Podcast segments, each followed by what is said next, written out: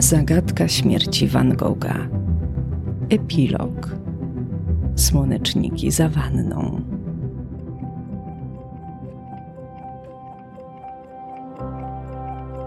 Ten obraz wisi w 45. sali londyńskiej National Gallery, a ludzie ustawiają się w kolejce, by go zobaczyć.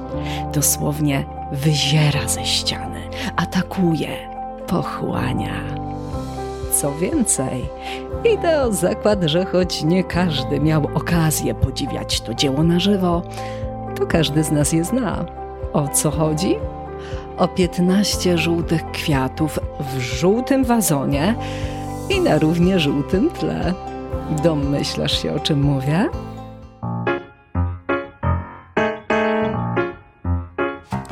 Dlaczego słoneczniki Van Gogha stały się najbardziej rozpoznawalnym obrazem na świecie? Czy Paul Gauguin rzeczywiście był ojcem talentu Vincenta? I kto trzymał arcydzieła Van Gogha za wanną? O tym wszystkim opowiem już za moment.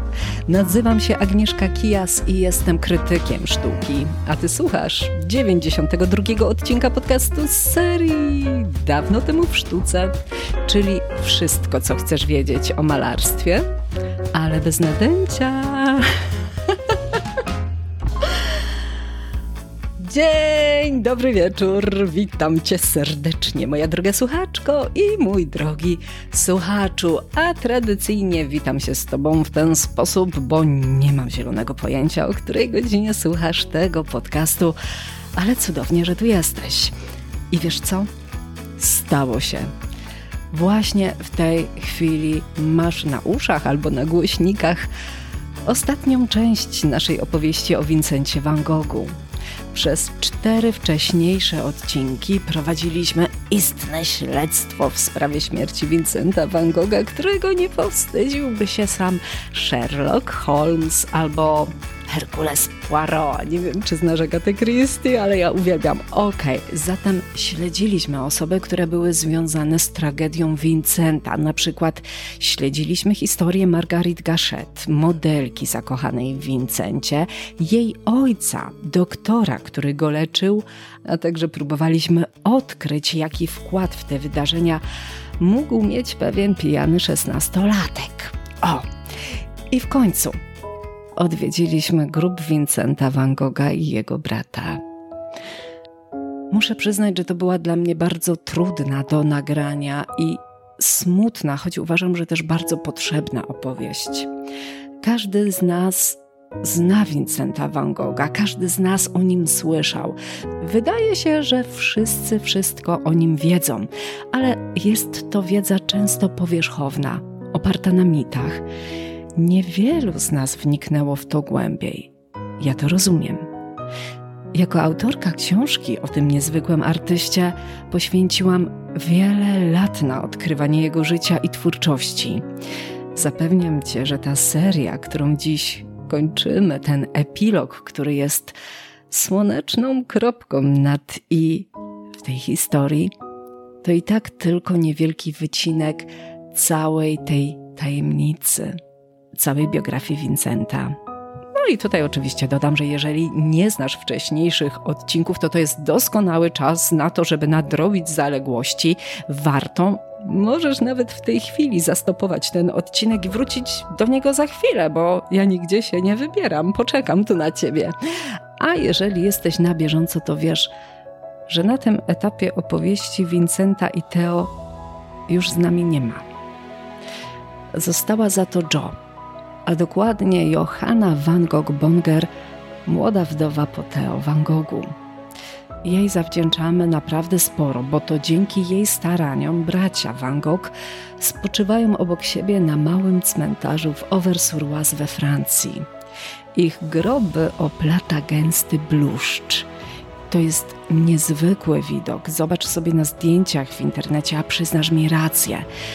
Ale to nie jest zwykły bluszcz. Wyobraź sobie, że przez lata próbowano go wyrwać, zniszczyć, wyrwać z korzeniami, ale on i tak zawsze odrastał. W końcu zrozumiano, że ten uparty bluszcz nie da się pokonać i pozwolono mu rosnąć dalej.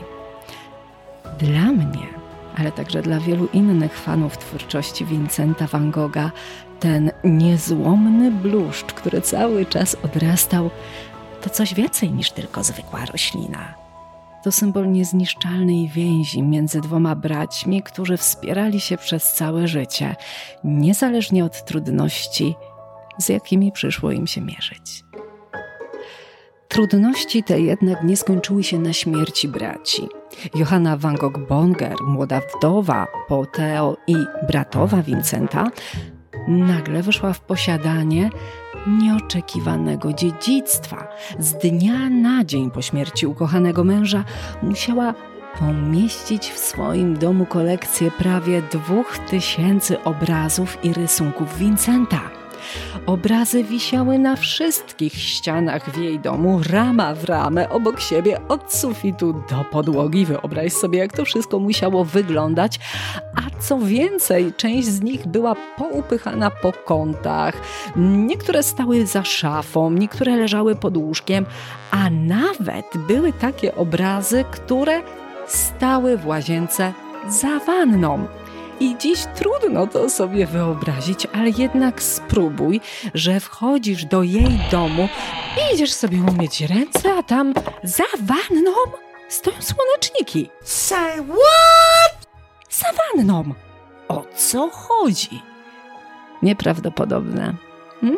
ale tak było. Na szczęście młoda wdowa nie straciła zimnej krwi pchnięta siłą, jaką mogła czerpać jedynie z głębokiej miłości do swojego zmarłego męża, postanowiła dokończyć misję, którą Teo zaczął. A Teo pragnął, żeby talent Vincenta został doceniony na całym świecie. Chcąc spełnić to marzenie, Joe niemalże w bojowym nastroju zakasała rękawy i z pełnym poświęceniem i determinacją podjęła się realizacji tego trudnego zadania. Zaczęła od listów. W swoim pamiętniku zapisała: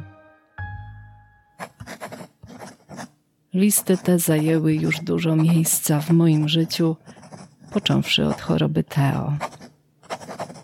Pierwszy samotny wieczór, który spędziłam w naszym domu po powrocie, zajęłam się ich pakowaniem. Wiem, że w nich odnajdę go znowu. Wieczór za wieczorem. Była to moja pociecha po tych nędznych dniach. Johanna uporządkowała wszystkie listy Vincenta i sprawiła, że zostały one opublikowane wiosną 1914 roku dziś zostały przetłumaczone na wiele języków i także my tu w Polsce możemy sobie je czytać. Zresztą wierz mi, czyta się je jak najlepszą powieść, bo Vincent van Gogh był nie tylko znakomitym malarzem, ale śmiało mogę to powiedzieć, był doskonałym pisarzem. Jak to możliwe, że człowiek, który pozostawił po sobie tak ogromną spuściznę w postaci swoich zapisków właśnie, tych listów, jest dzisiaj artystą, wokół którego narosło tak wiele mitów, legend, nieprawdziwych informacji. Jak to możliwe?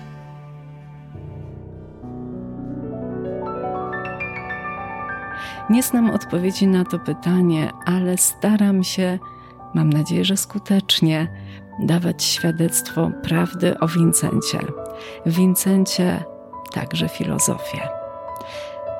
No dobrze, ale na listach Johanna nie poprzestała. Mimo, że nigdy wcześniej nie poruszała się w świecie sztuki, była bardzo obrotna. Zaczęła prawdziwą kampanię marketingową pod tytułem Poznaj Vincenta van Gogha. Myślę, że nie jeden polityk mógłby chcieć ją mieć w swoim sztabie wyborczym, ponieważ to, co ona zrobiła, to był jeden wielki boom na Van Gogha. Wypożyczała pracę Vincenta różnym galeriom i prywatnym handlarzom, co robiła zupełnie za darmo. Wydawać by się mogło, że bez sensu, a jednak dzięki temu nazwisko szwagra coraz częściej pojawiało się w programach wystaw. Coraz częściej ludzie patrzyli: O, proszę, tu jest znowu ten Van Gogh to może wreszcie pójdę i go zobaczę. Wiecie, jak to jest. Van Gogh, można powiedzieć, wyskakiwał z lodówki. Zainteresowanie jego obrazami rosło. I właśnie wówczas, gdy prace Vincenta nabierały na wartości, przebywającego na Tahiti Paula Gogena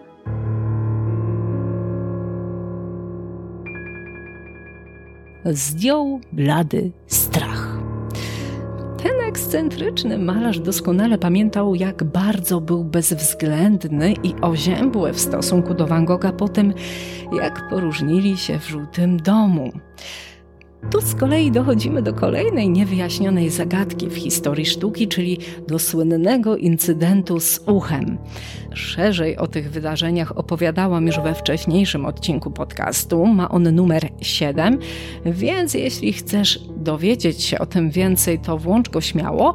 A dziś tylko przypomnę, że ci dwaj malarze przez krótki czas mieszkali razem w żółtym domu w Arles. To był dla nich trudny czas, ponieważ oboje mieli trudne charaktery. Dochodziło do napięć. Do napięć, które osiągnęły swój punkt kulminacyjny na dwa dni przed Bożym Narodzeniem. Właśnie wtedy doszło między nimi do gwałtownej awantury, w wyniku której Vincent stracił ucho choć tak naprawdę nie ucho, a niewielki kawałek małżowiny. Istnieją natomiast dwie teorie na temat tego, co tak naprawdę się wydarzyło, i jedna mówi, że okej, okay, to Vincent sam sobie to ucho odciął, podczas gdy druga teoria sugeruje, że mógł mu w tym pomóc Gauguin. Dokładne okoliczności tej historii nie są znane i pozostają tematem szerokich spekulacji. Jedno jest pewne. Pośmiertny sukces Van Gogha zaskoczył Gogena. Wraz z tym zaskoczeniem przyszedł niepokój. Pola zaczęło dręczyć pytanie: jak zostanie zapamiętany? Jako osoba, która miała swój udział w tragicznym losie Vincenta, czy może jako czarny charakter tej historii? A? 15 lat po opuszczeniu Arl Gauguin postanawia napisać wspomnienia, w których okrzyknął się ojcem talentu Vincenta. No jakżeby inaczej. Napisał Podjąłem się zadania oświecenia go. Było to proste, bo trafiłem na podatny grunt. Mój Van Gogh robił niezwykłe postępy. Efektem była seria słoneczników przedstawionych w pełnym świetle. Te kłamstwa łatwo obalono. Z listów Vincenta, jakie pisał do Tea, jasno wynikało, że stworzył swoje słoneczniki znacznie wcześniej niż Gauguin zjawił się w prowansalskiej wiosce. Istnieje jednak bardziej wiarygodny ukłon Paula Gogena w stronę talentu Van Gogha. Otóż Paul, który przebywał wtedy na Tahiti, zwrócił się do swoich znajomych z Paryża, by ci przesłali mu w liście nasiona słonecznika. Zasadził je w swoim ogrodzie, a gdy już urosły, namalował. I wszystko w temacie. Ale wróćmy do Johany. Jej starania, by rozsławić nazwisko Vincenta, nie poszły na marne. Sława artysty rosła z dnia na dzień. W pewnym momencie rynek sztuki zalała fala falsyfikatów jego prac. I paradoksalnie takie zdarzenia można uznać za jeden z największych hołdów złożonych artyście, bo w końcu tylko wybitne dzieła są podrabiane, bo tylko wtedy się to opłaca. Zresztą słoneczniki to do dziś jedno z najczęściej reprodukowanych arcydzieł, ale można powiedzieć, że ten proces, proces ich powielania rozpoczął sam autor, Vincent van Gogh. Jego zainteresowanie motywem żółtych kwiatów było tak duże, że powstała cała seria prac, na którą składa się aż 11 obrazów. Ten najsłynniejszy, na którym widzimy żółte kwiaty na żółtym tle, nie jest pierwszym. No, bez wątpienia najważniejszym, ale nie powstało jako pierwsze. W dużym uproszczeniu Siedem wcześniejszych prac to studia, a trzy następne są kopiami. Artysta malował je podczas pobytu w Arles, gdy szykował się na przyjazd wspomnianego już tu wcześniej Pola Gogena. Miał nadzieję, że właśnie tam, mieszkając w żółtym domu, wspólnie z nim stworzy twórcze przymierze, a w kolejnym kroku szkołę dla malarzy. Od strony Gogena sprawa wyglądała nieco inaczej, bo po pierwsze, on po prostu szukał taniej kwatery, nie miał wtedy za dużo kasy, miał trudniejszy okres finansowy i pieniądze, jakie płacił mu brat Vincenta Theo za pobyt w Arles, były mu po prostu potrzebne. A po drugie, ponieważ w sprawę zaangażował się właśnie brat Vincenta, Theo, skąd inąd znany marszant, to te okoliczności sprawiły, że Gauguin nie mógł tak łatwo zignorować zaproszenia Van Gogha. Liczył bowiem, że z tej znajomości z bratem znanego paryskiego marszanda uda mu się uzyskać jakieś korzyści. No i faktycznie uzyskał je. Kiedy Gauguin w końcu napisał, że okej, okay, przyjedzie i zgodził się na wizytę w Żółtym Domu, to radość Vincenta nie znała granic. Aby uhonorować przyjazd swojego gościa, stworzył mnóstwo obrazów, które miały zdobić sypialnię Gogena. Pracował w szaleńczym tempie, każdego dnia malował jeden obraz, jeden obraz dziennie i właśnie wtedy, w wyniku tego twórczego amoku, powstały na przykład słoneczniki. Słoneczniki, które dzisiaj obok Monalizy Leonarda da Vinci i krzyku Edwarda Munka uznawane są za najsłynniejszy obraz świata. No dobrze. Ale jak to się stało, że akurat słoneczniki zdobyły aż tak wielką popularność? Co takiego jest niezwykłego w zwykłych kwiatkach? Hmm? Można by to nazwać absurdem, nonsensem, ba, nawet herezją. Bo jak to możliwe? Jak to możliwe, że Van Gogh zignorował totalnie wszystkie reguły w sztuce, reguły kontrastujących kolorów i mimo to osiągnął sukces? Przecież on umieścił intensywnie żółte kwiaty na równie intensywnie żółtym tle i w dodatku wsadził je do żółtego wazonu. To nie mogło się udać. A jednak. Dzięki temu odważnemu zabiegowi żółte na żółtym w żółtym, słoneczniki wydają się jeszcze bardziej świetliste i lśniące.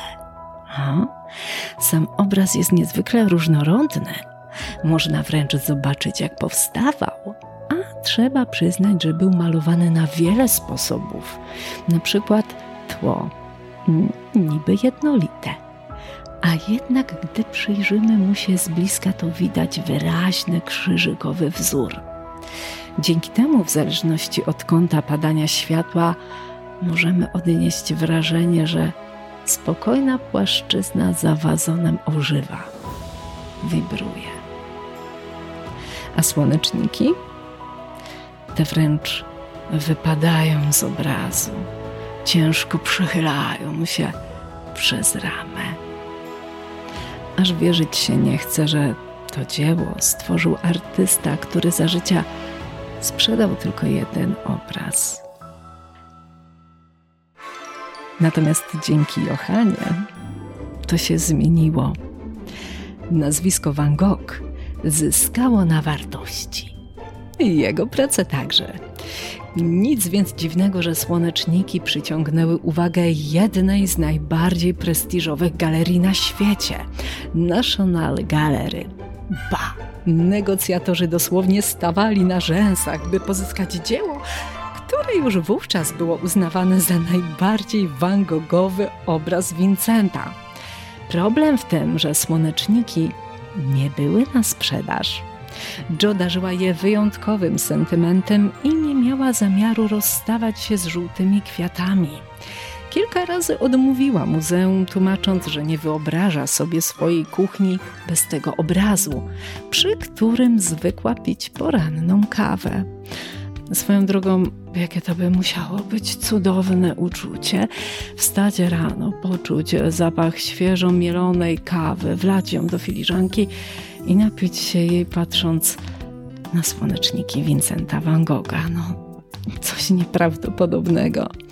Chciałam też dodać, jak bardzo niesamowite jest też to, jak wiele kaw postawiliście mi w drodze słuchacze na buykafi.tu ukośnik dawno temu w sztuce. Bardzo Wam dziękuję i oczywiście proszę o więcej takich kaw, bo one naprawdę dają mi porządnego kopa, nie tylko energetycznego, ale do działania i pozwalają rozwijać ten podcast. Thank you very much. Natomiast nie poddawali się kuratorzy. Postawili wszystko na jedną kartę i odwołali się do istoty sztuki. W końcu malarze po to tworzą swoje obrazy, by inni je podziwiali, otaczali się nimi. W piśmie stało: Droga pani Van Gogh, Vincent van Gogh powinien być reprezentowany w najwyższej formie w brytyjskiej kolekcji narodowej Wyświadczyłaby Pani jego pamięci i Anglii wielką przysługę, gdyby ponownie rozważyła Pani tę kwestię.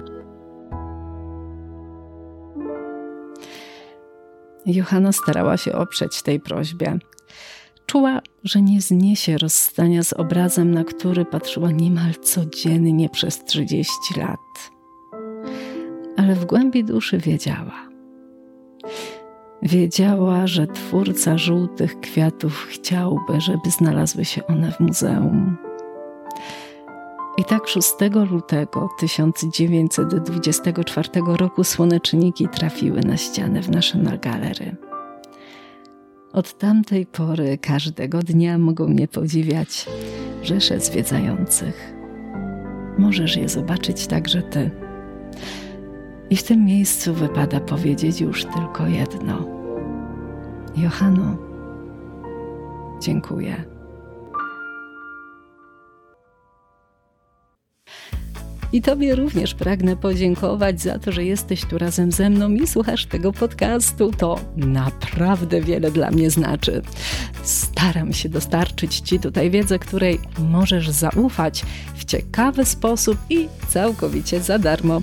Mam nadzieję, że to czujesz i że ta seria o Van Goghu jest tego najlepszym dowodem. Czy po tych wszystkich odcinkach Vincent van Gogh stał się dla Ciebie kimś więcej niż tylko artystą? Chciałabym w to wierzyć i może teraz, gdy znasz historię jego tragicznej śmierci, zechcesz poznać go jeszcze bliżej, już na własną rękę.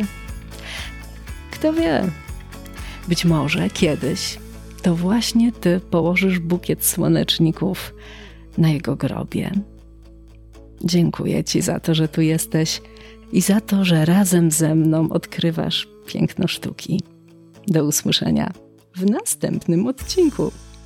Mówiła dla ciebie Agnieszka Kijas, krytyk z sercem do sztuki. I can't wait, life will teach me. Jumping out, I'm falling free. There's no escape from my own walls. I'm ready now to feel it all. I don't know why I'm in this darkness for so long, so long. Let me out,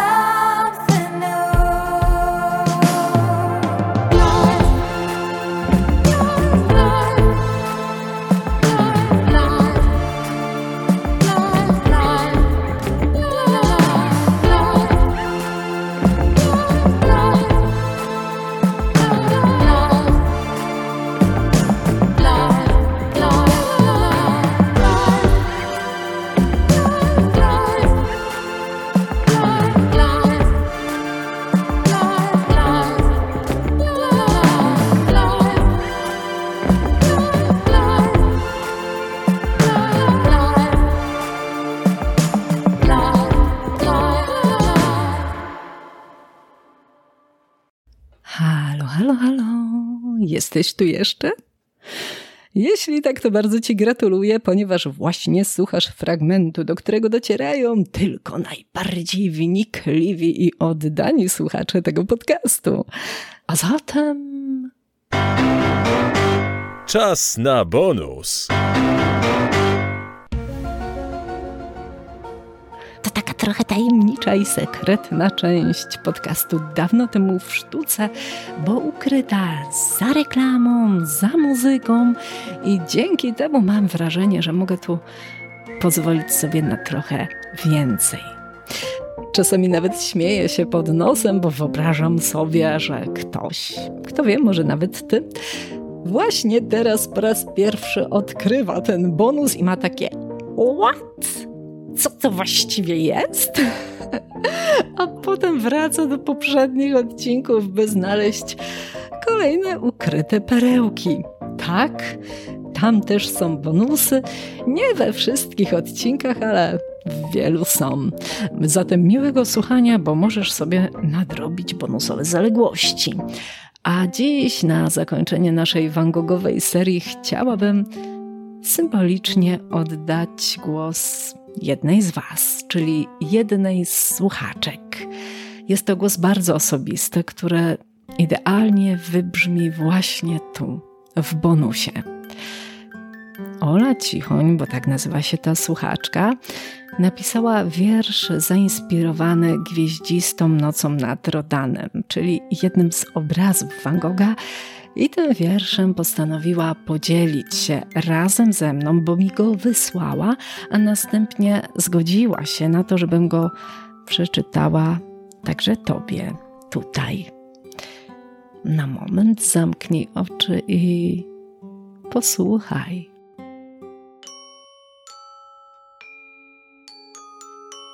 W oczach Vincenta. Może to trochę naiwne, dziecinne? Sama nie wiem. Może raczej bardziej dziecięce. To, że wciąż nie mogę przestać myśleć o niebieskich migdałach i o kwitnącym migdałowcu namalowanym dla twojego bratanka. Teraz właśnie bujam się niesfornie na obłoku zwanym wyobraźnią i staram się z niego zobaczyć ciebie, Wincencie jak tkwisz zakochany po uszy w nocy nad Rodanem. W Twoich oczach gwiazdy stają się miękkie jak cytryny w herbacie.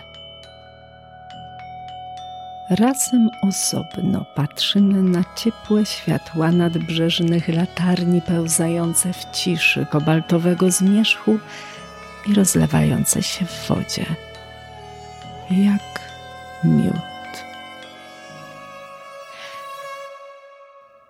Rzeka. Gęsto wydziergana z fal odbija uśpione tajemnice nieba. Są tam jeszcze oni, spleciony w uścisku dwucień. Czujesz, że groteskowo nie przystajesz do ich romantycznych uniesień, ale jednak jakoś mieszczą się w ramach pejzażu Twojej samotności. Proszę, postaraj się pamiętać o tym, że mimo wszystko nie jesteś sam. No tak. Nie jesteś sam, Vincencie. A ty pamiętaj proszę, że choć Vincent był samotny wśród gwiazd, to my jesteśmy tu razem. Dzięki temu podcastowi. I za to bardzo Ci dziękuję. No i do następnego odcinka. Cześć.